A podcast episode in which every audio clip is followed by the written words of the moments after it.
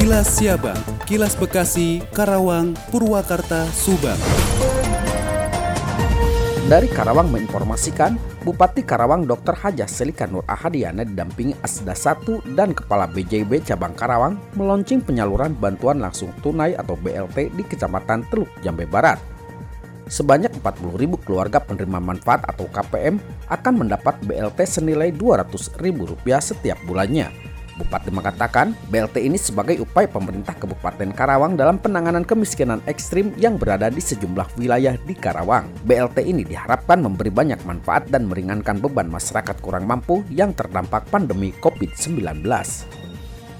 Dalam surat edaran nomor 460 garing 6873 garing Dinsos tentang tertib pelaksanaan penyaluran bantuan langsung tunai dalam penanganan kemiskinan ekstrim di Kabupaten Karawang tahun 2021 dan ditandatangani oleh Sekda Dr. Andes Acep Jamhuri MSI. Dijelaskan bahwa penerima BLT harus mengambil sendiri dan tak boleh diwakilkan. Jika penerima BLT sakit dan tidak bisa mengambilnya sendiri, maka hanya boleh diwakilkan oleh keluarga yang tertera dalam satu kartu keluarga dengan membawa KTP, kakak asli, dan surat kuasa dari penerima BLT tersebut.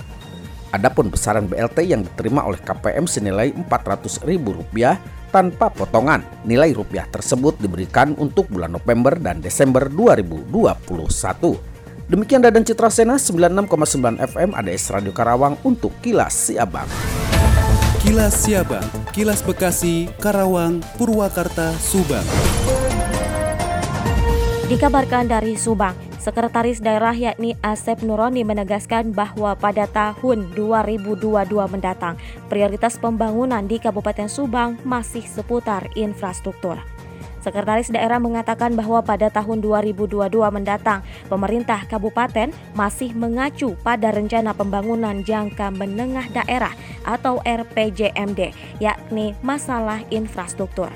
Sekedar informasi, RPJMD merupakan dokumen perencanaan pembangunan daerah untuk jangka periode selama lima tahunan yang berisi penjabaran dari visi, misi, dan juga program kepala daerah dengan berpedoman pada RPJP daerah serta memperhatikan RPJM nasional.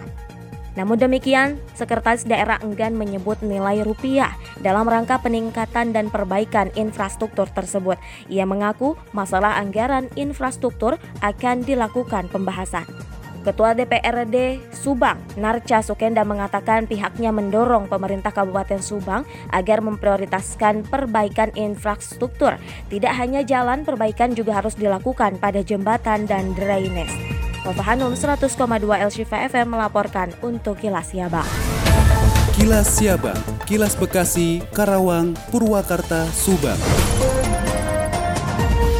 Dari Subang dikabarkan, dua TKI asal Subang dilakukan kontak erat dengan beberapa orang yang terpapar Omikron saat karantina di gedung Wisma Atlet termasuk kontak erat dengan tukang kebun yang terpapar Omikron di Wisma Atlet. Kedua TKI tersebut merupakan warga asal Desa Ranca Hilir, Kecamatan Pamanukan dan keluarga Soklat, Kecamatan Subang yang menjalani isolasi pada 24 November hingga 8 Desember 2021 lalu. Berdasarkan keterangan Dinas Kesehatan Kabupaten Subang, Dr. Maksi mengatakan pihak Dinkes Subang dihubungi oleh Kementerian Kesehatan untuk melakukan pemeriksaan terhadap dua TKI asal Subang yang kontak erat dengan warga yang terpapar Omicron. Dikatakan Maksi, kedua TKI tersebut pada hari itu juga langsung diperiksa untuk memastikan terpapar atau tidaknya. Sampel tersebut nantinya akan diperiksa oleh WGS di Laboratorium Kesehatan Kementerian Kesehatan RI di Jakarta untuk memastikan virus apa. Maksi berharap kedua TKI tersebut tidak terpapar Omicron.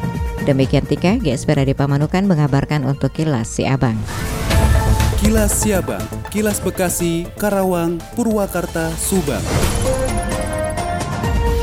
Pemerintah Kabupaten Bekasi menerima bantuan kemanusiaan berupa satu unit oksigen, generator, dan kompresor yang diberikan oleh Kedutaan Besar Republik Indonesia Singapura, Diaspora Indonesia, dan bekerja sama dengan PT Fajar Surya Wisesa.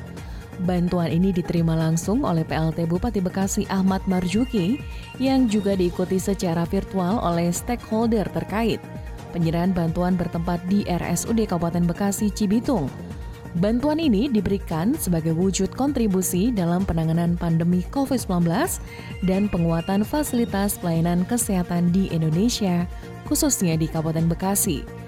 Dalam sambutannya, PLT Bupati Bekasi menyampaikan ucapan terima kasih kepada KBRI Singapura, Diaspora Indonesia di Singapura, Kementerian Kesehatan, serta relawan Oksigen for Indonesia atas bantuan yang diberikan untuk penanganan COVID-19 di Kabupaten Bekasi melalui RSUD Kabupaten Bekasi.